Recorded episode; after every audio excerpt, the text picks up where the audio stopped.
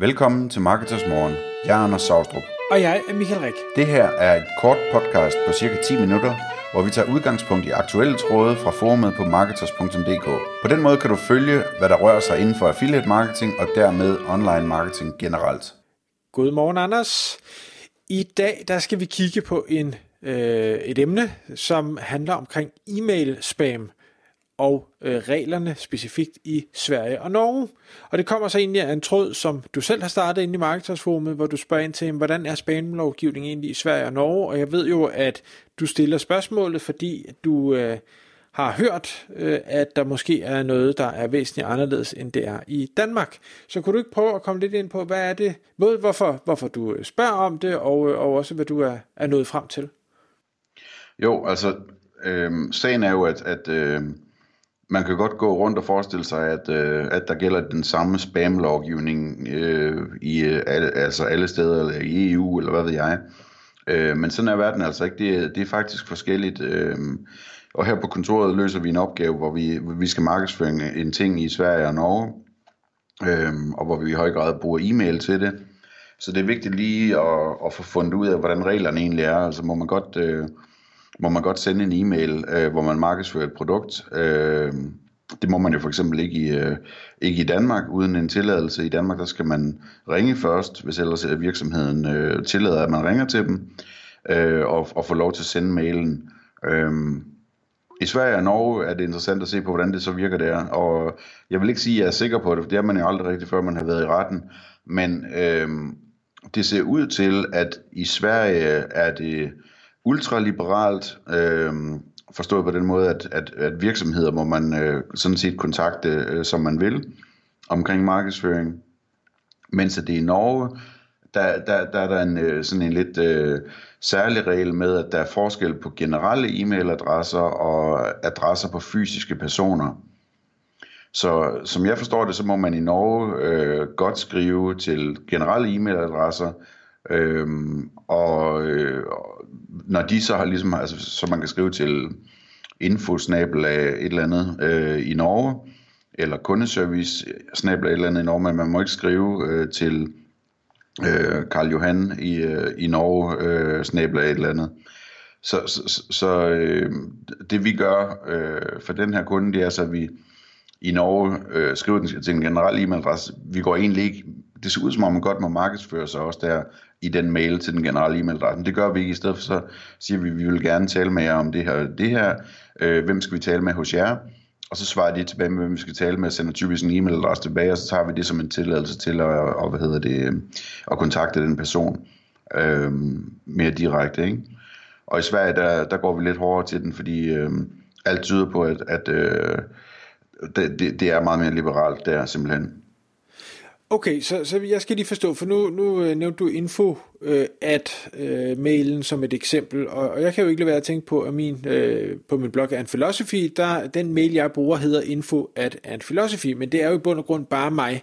Men hvis det nu har været i Norge, nu ved jeg godt, det er .com-domæne, men havde det nu været i Norge, så måtte man i princippet godt øh, markedsføre til den, fordi den hedder info, uagtet at det i bund og grund er mig som ene person bag Ja, altså, det, det, ved jeg reelt ikke, men det gætter jeg på, fordi det, det, altså, der må man sådan øh, have, kunne, kunne, kunne sige, at man har været i god tro, ikke? fordi man fandt en e-mailadresse, der hedder infosnabelag, så det virker som om det er en generel e-mailadresse, det ligner ikke en personlig e-mailadresse.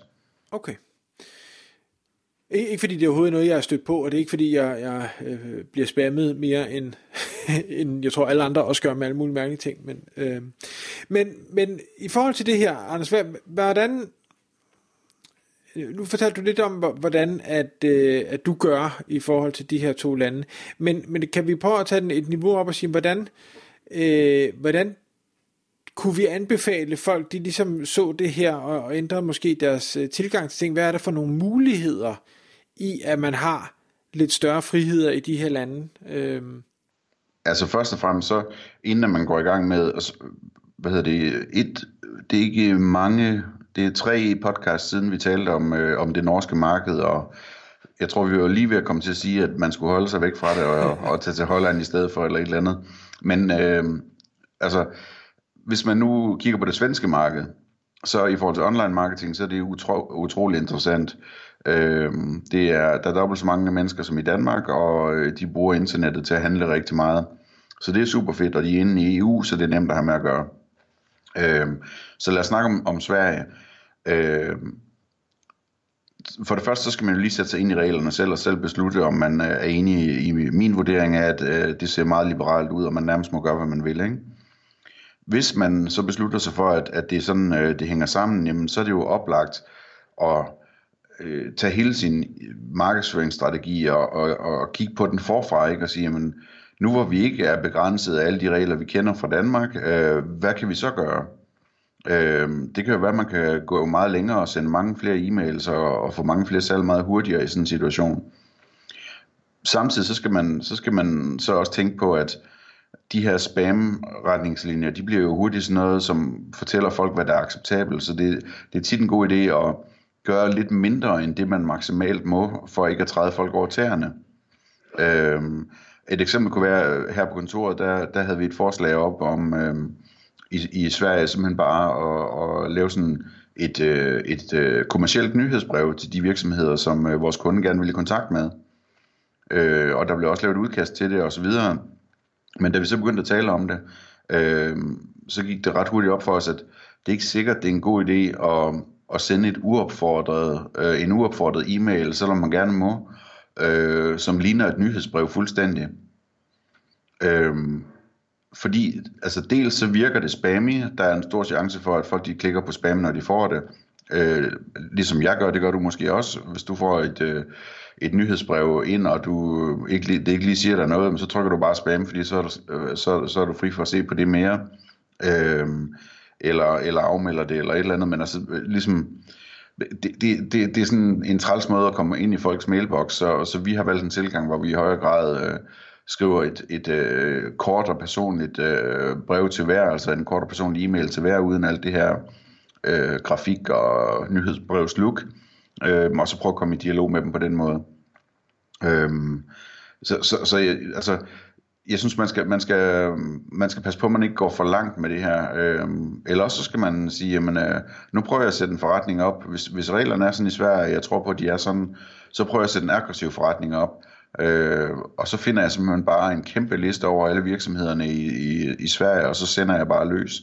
Eller en liste over alle, alle cheferne for alle den type virksomheder, eller et eller andet, og sender direkte til dem. Øh, og, og så er der fem af dem, øh, der, der køber, og 100 af dem, der markerer det som spam, og det er fint nok i min business setup, for eksempel, ikke?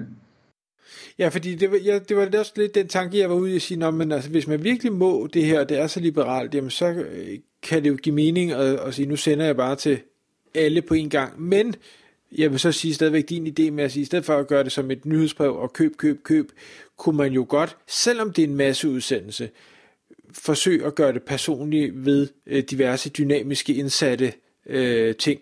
Øh, jeg siger ikke, det er nemt, men, men det kan godt lade sig gøre. Jeg, jeg modtager der indimellem mails, hvor jeg tænker, det virker som om, det er skrevet til mig, og jeg ved godt, det er det ikke.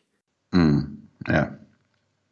Det kommer også an på, hvad det er, man sælger. Ikke? Altså det, det, vores kunde er en, er en øh, B2B-kunde, øh, altså i, i forhold til de kunder, vi skal markedsføre overfor i Sverige. Øh, så, så det er store kontrakter og, og den slags ting, der er tale om, så vi kan tillade os at gøre det stille og roligt. Vi, vi skal ikke øh, sælge en tandbørste, vel? Altså det er, det er noget helt andet, vi er ude i. Så det handler meget bare om at komme i dialog, og så bruge de måneder, øh, det tager at, og få de her beslutningstagere til at tage stilling til tilbuddet i sidste ende. Ikke? Ja.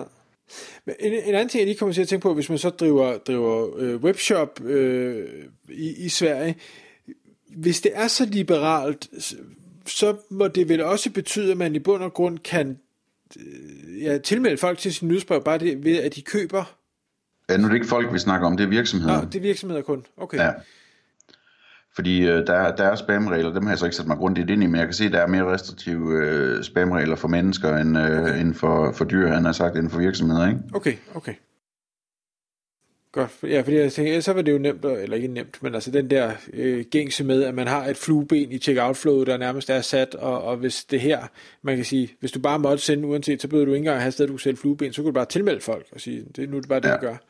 Men det er også muligt, at, at, at der, altså, det kunne man jo sætte sig ind i, det, det ville være relevant at undersøge på samme måde, hvordan er reglerne øh, i forhold til øh, personer i Sverige, ikke? Okay.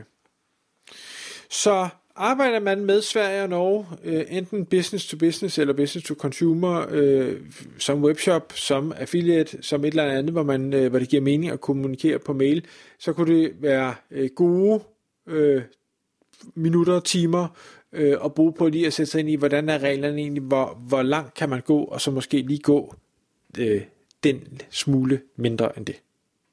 Tak fordi du lyttede med. Vi ville elske at få et ærligt review på iTunes.